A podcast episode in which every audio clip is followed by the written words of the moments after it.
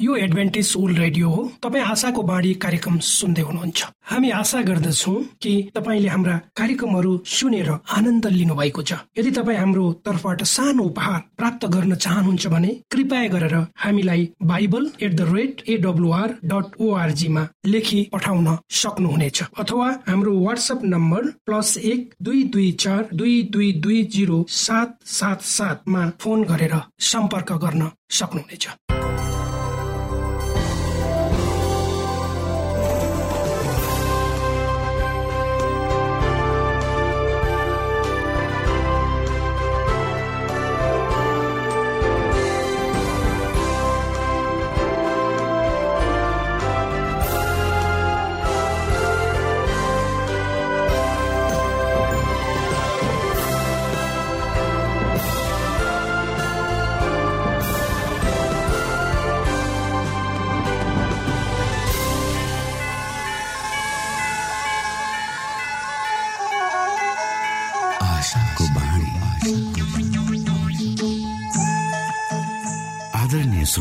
नमस्कार। यो समय तपाईँ एडभेन्टिस्ट ओल्ड रेडियोको प्रस्तुति भोइस अफ होप आशाको बाणी कार्यक्रम सुन्दै हुनुहुन्छ।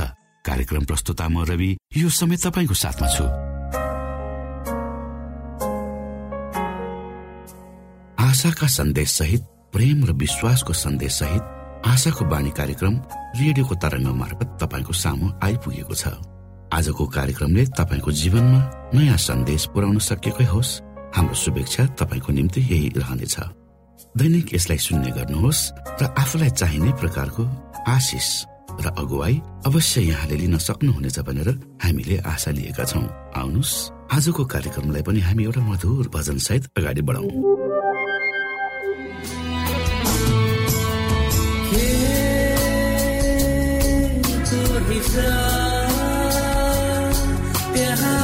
जसले तिम्रो ज्ञान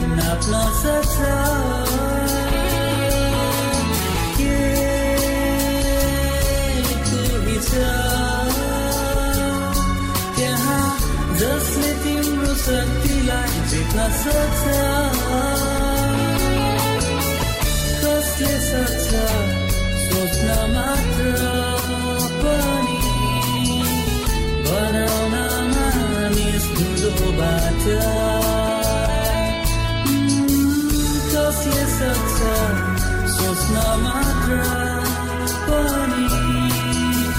Banana man is good of a job.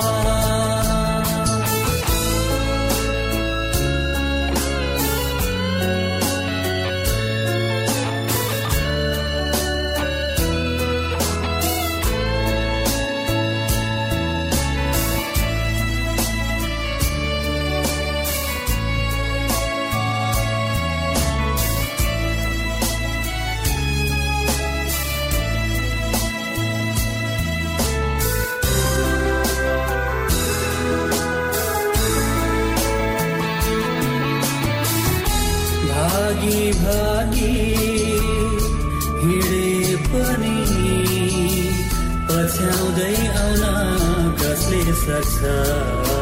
मात्र पनि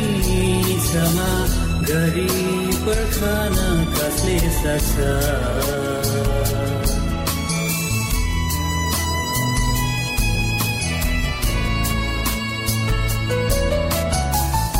भागी भागी हिँडे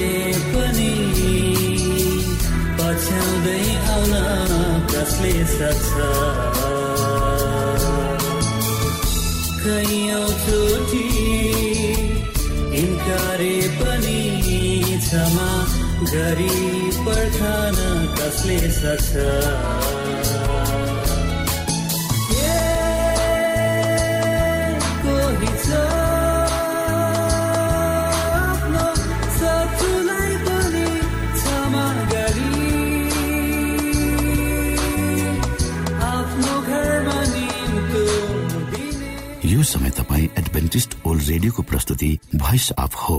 आशाको बाणी कार्यक्रम सुन्दै हुनुहुन्छ।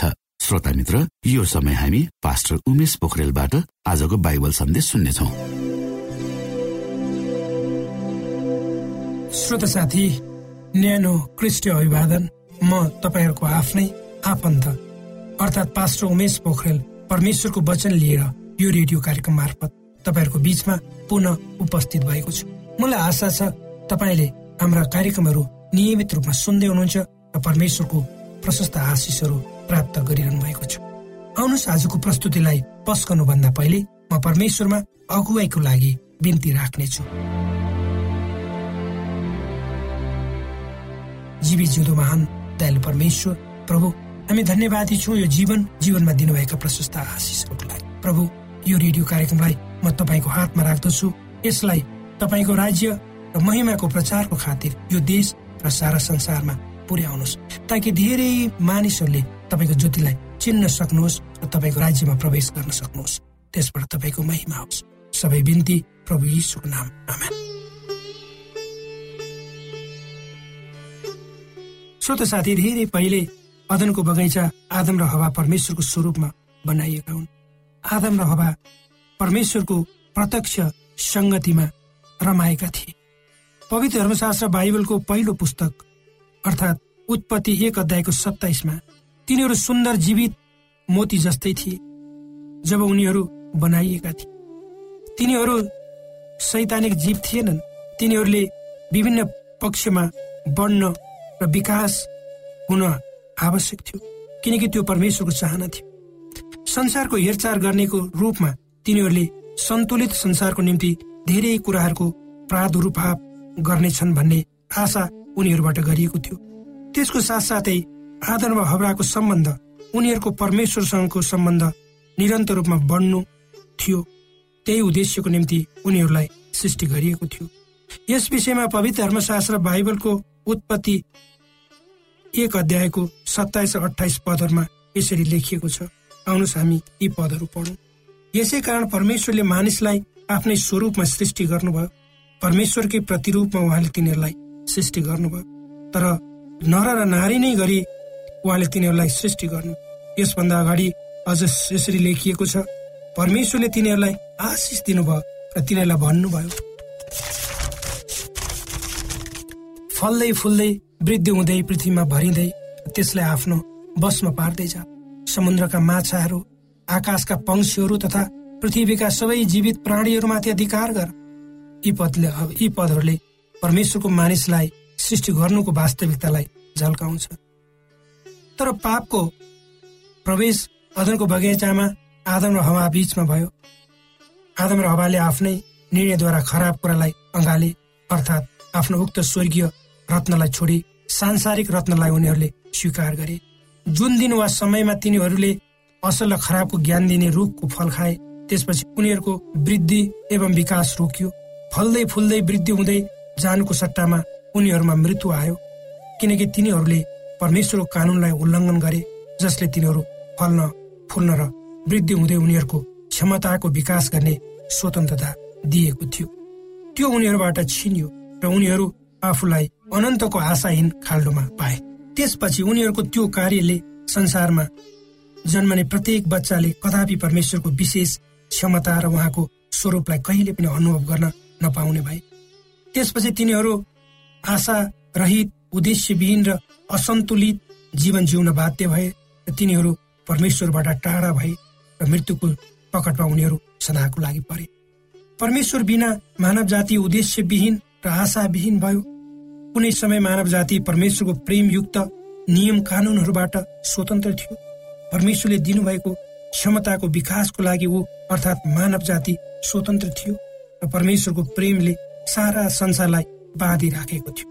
तर तिनीहरू अब आफ्नो स्वार्थीपनको सेवक भएका थिए र आफ्नै खराब चरित्रको कारण अन्त्यमा पृथ्वी उनीहरूको लागि असम्यभावी भयो। श्रोत साथी तर परमेश्वरले मानव जातिलाई सधैँ नाश होस् किनकि उसले मैले भनेको आज्ञा मानेर भनेर छोड्नु भएन। तर परमेश्वरले संसारलाई प्रेम गर्नुभयो।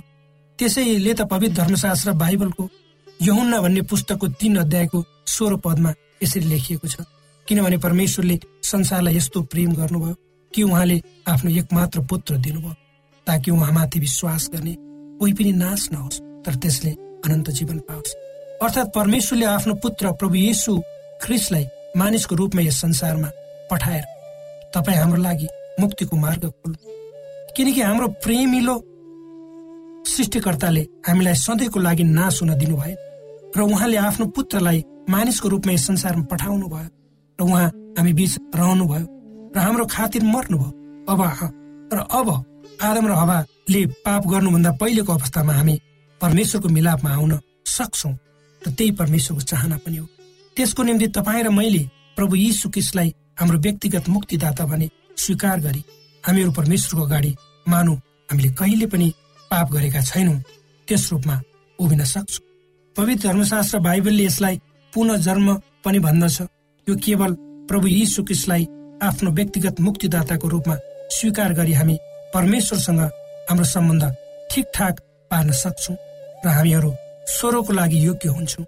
हाम्रो हृदयमा आशालाई रोपेर हामी परमेश्वरको मार्गमा अगाडि बढ्न सक्छौँ। अब हामीहरू स्वर्गमा प्रवेश गर्न स्वतन्त्र छौँ र पवित्र जनहरूसँग घुलमिल हुन र परमेश्वरसँग प्रत्यक्ष कुराकानी गर्न सक्छौँ। प्रभु येशु क्रिस्टमाथिको विश्वासद्वारा मानिसहरू आशावादी हुन्छ श्रोत साथी हाम्रो जीवनमा हामीले एक अथवा कयौँपल्ट यस्ता पत्रहरू पायौँ होला जसमा तपाईँ हामीले कुनै पत्रिका सित्तैमा एक वर्षको लागि पायौँ भनेर अर्थात् हामीले लाखौँ रुपियाँको चिट्ठा जित्यौँ तर त्यो कुरालाई हामीले गहिरेर सोच्यौँ भने हामीले सित्तै प्राप्त गरेका पत्रिका वा जितेका चिट्ठाको लागि हामीले पहिले केही न केही पैसा खर्च गरिसकेका हुन्छौँ होइन र? चिट्ठा जित्नुभन्दा पहिले चिट्ठा किन्नु पर्यो त्यसको लागि पैसा चाहिन्छ। त्यसकारण आजभोलि तपाईँ हामीले खबर कागज पोस्टर रेडियो टेलिभिजनमा देख्ने प्रचारहरू जसमा फ्री भनिन्छ वा सित्तै भनेर लेखिन्छ त्यसमा अझ बढी शङ्का गर्नुपर्छ होइन र? तर परमेश्वरको अनन्तको सित्तैमा पाइने उपहारलाई स्वीकार गर्नु भनेको अर्कै हो। यो पूर्ण रूपमा सित्तै हो फ्री हो। र हामीले परमेश्वरको उक्त सित्तैको उपहार ग्रहण गर्न उहाँलाई स्वीकार गरे मात्र पुग्छ। कुनै रुपियाँ पैसा खर्च गर्नु पर्दैन। अर्थात् तपाईँ हामीले आफ्नो पापयुक्त जीवनलाई छोड्नुपर्छ र प्रभु येसुको सिद्ध जीवनलाई ग्रहण गर्नुपर्छ।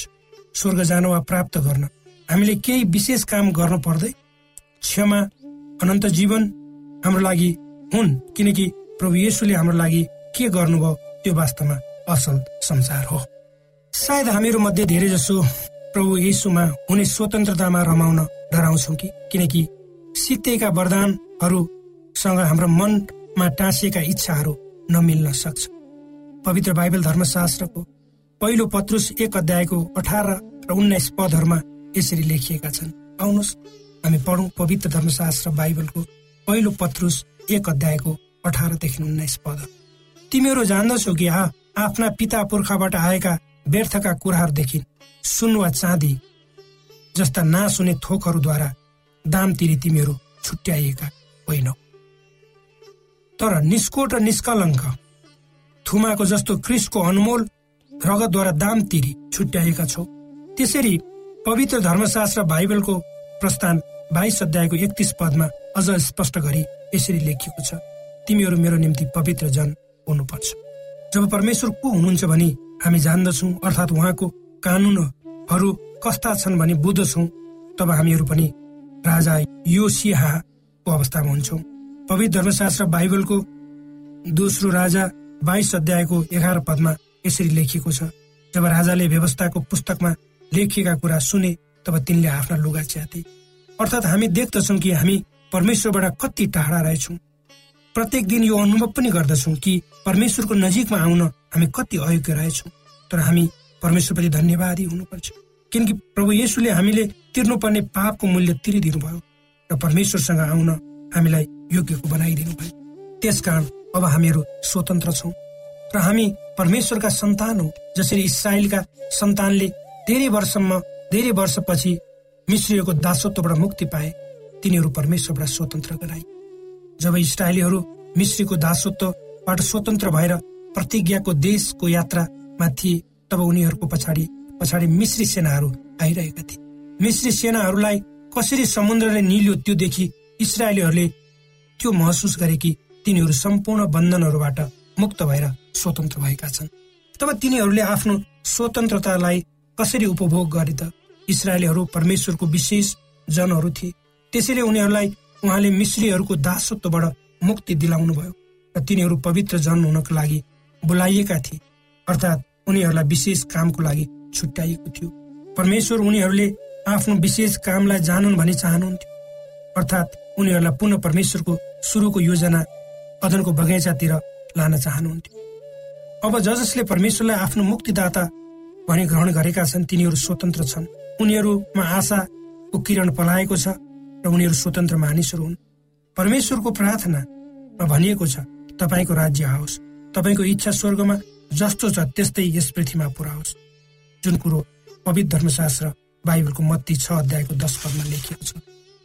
परमेश्वरलाई आफ्नो जीवनमा प्रथम स्थान दिए उहाँको स्वरूपलाई हाम्रो जीवनबाट प्रस्तुत गर्न हामीले सुरु गर्नुपर्छ। यो प्रतिज्ञा परमेश्वरबाट सुरु भयो। अब हामीले आफूबाट सुरु गरी परमेश्वरको आफ्नो सम्बन्ध परमेश्वर र हाम्रो सम्बन्धलाई पुनर्स्थापित वा नवीकरण गर्नुपर्छ। र परमेश्वरको इच्छा यो हो छ कि?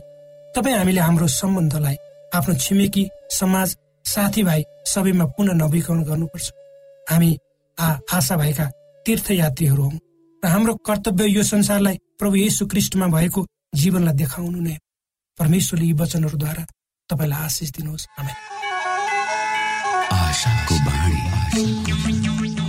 श्रोता भर्खरै यहाँले पास्टर उमेश पोखरेलबाट बाइबल वचन सुन्नुभयो। यो समय तपाईँ एडभेन्टिस्ट ओल्ड रेडियोको प्रस्तुति भोइस अफ होप आशाको बाणी कार्यक्रम सुन्दै हुनुहुन्छ। कार्यक्रम सुनेर बस्नुहुने सबै श्रोतालाई हामी हाम्रो कार्यक्रममा स्वागत गर्न चाहन्छौ।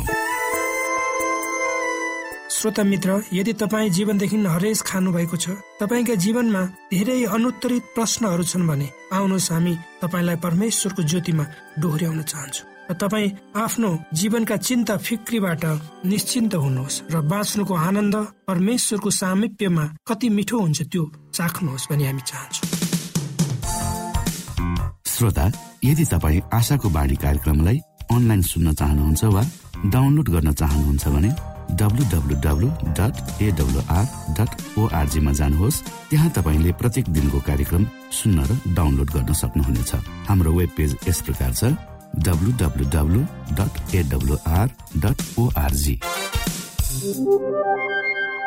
श्रोता यदि तपाईँ हामीसित सिधै फोनमा सम्पर्क गर्न चाहनुहुन्छ भने हाम्रा नम्बरहरू यस प्रकार छन्।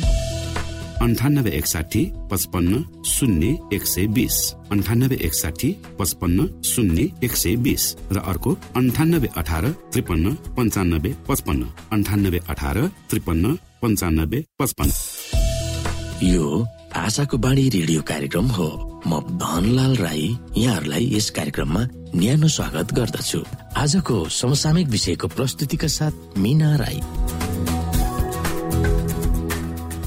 श्रोत साथी उद्देश्य प्रेरित आत्मा परिवर्तित कथाहरूमा आजको कथा कुरी खराकी मियोसी।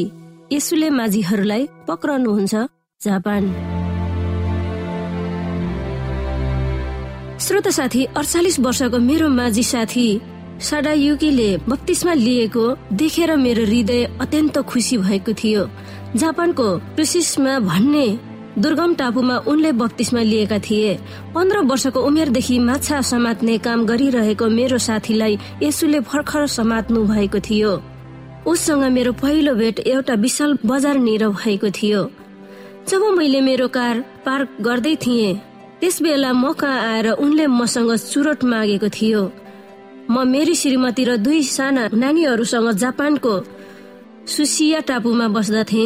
यो टापुमा तीस हजार मानिसहरू थिए। त्यो टापु जापानबाट दक्षिण कोरियाको समुद्रमा थियो। हामीहरू ग्लोबल मिसन पायोनियरहरू हौ। हामी मिसनमा जागिर खाएका नभए तापनि एक वर्ष प्रभुको काममा लाग्न स्वयंसेवक भएका थियौं। स्वयं प्रभुको बारेमा थाहा नपाएकाहरू कहाँ? तिनीहरूकै रहन सहनमा रहे र सुसमाचार सुनाएर संगति स्थापना गर्ने हामीहरूको काम हो। जब सात वर्ष अघि हामी त्यस दुर्गम टापुमा आइपुग्यौं तब त्यहाँ अरू कोही पनि सेभेन डे एडभान्टेज थिएनन्। म कारमा बसिरहेको बेलामा साडुकी मेरो कारको छ्यालमा ढकढक्याउन आयो। त्यसले मेरी छोरीहरूलाई तर्साइदिएको थियो। मैले तुरन्तै जवाफ दिए माफ गर्नुहोस् मसँग चुरोट छैन।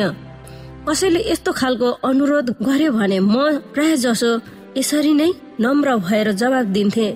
तर त्यो अपरिचित मानिसको मुख अँध्यारो भएर निराश देखियो। जब ऊ हामीबाट गयो तब मैले छोरीहरूलाई उसको निम्ति प्रार्थना गर्नुपर्छ भने।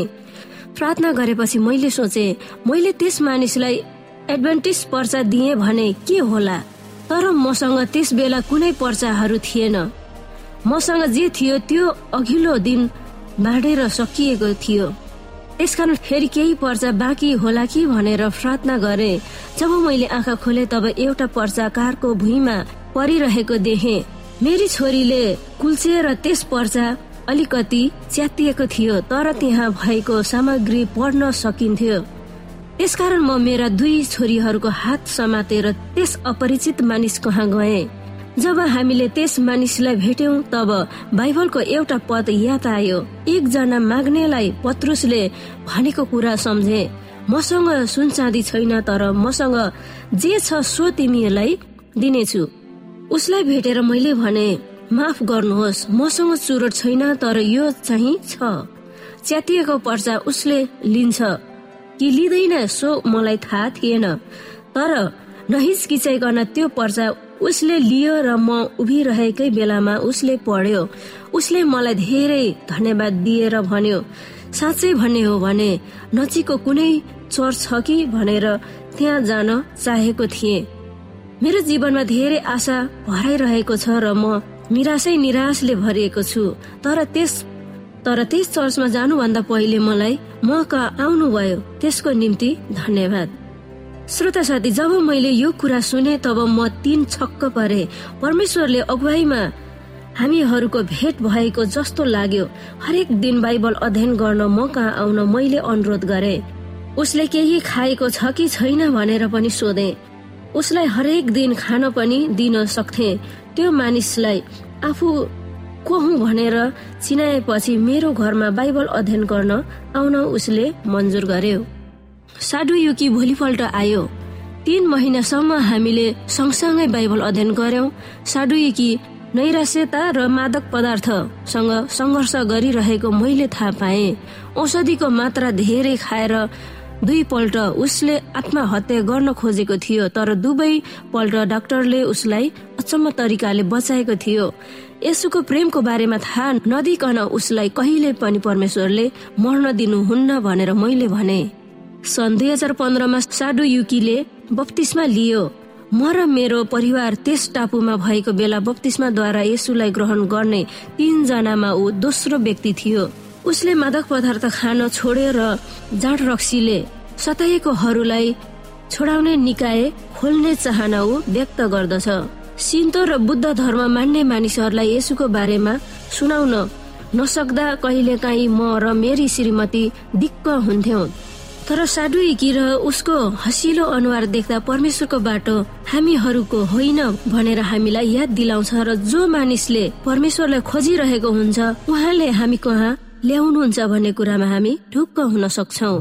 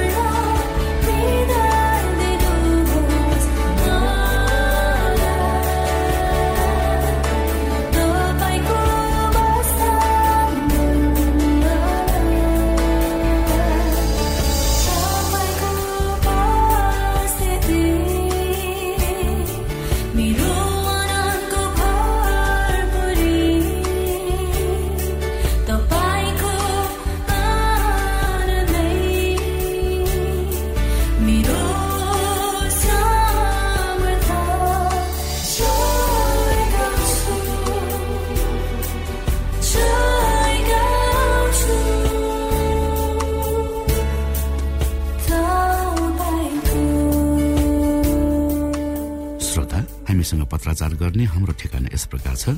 आशाको बाणी पोस्ट बक्स नम्बर दुई शून्य शून्य शून्य दुई काठमाडौँ नेपाल। श्रोता यदि तपाईँ हाम्रो स्टुडियोको नम्बरमा सम्पर्क गर्न चाहनुहुन्छ भने हाम्रा नम्बरहरू यस प्रकार छन्। अन्ठानब्बे एकसाठी पचपन्न शून्य एक सय बिस। अन्ठानब्बे एकसाठी पचपन्न शून्य एक सय बिस। र अर्को अन्ठानब्बे अठार त्रिपन्न पन्चानब्बे पचपन्न। अन्ठानब्बे अठार त्रिपन्न पन्चानब्बे पचपन्न। हाम्रो इमेल एड्रेस यस प्रकार छ Nepal at AWR dot ORG यदि तपाईँ हामीलाई अनलाइन सुन्न चाहनुहुन्छ वा डाउनलोड गर्न चाहनुहुन्छ भने तपाईँ W W W dot AWR dot ओआरजीमा जानुहोस् र त्यहाँ तपाईँले हाम्रो सबै कार्यक्रमहरू सुन्न सक्नुहुनेछ। हवस् त श्रोता भोलि फेरि यही स्टेशन र यही समयमा यहाँसँग भेट्ने आशा राख्दै प्राविधिक साथी राजेश आडा पास्टर उमेश पोखरेल र कार्यक्रम प्रस्तुता म रवि। यहाँसँग विदा माग्दछौ। नमस्कार।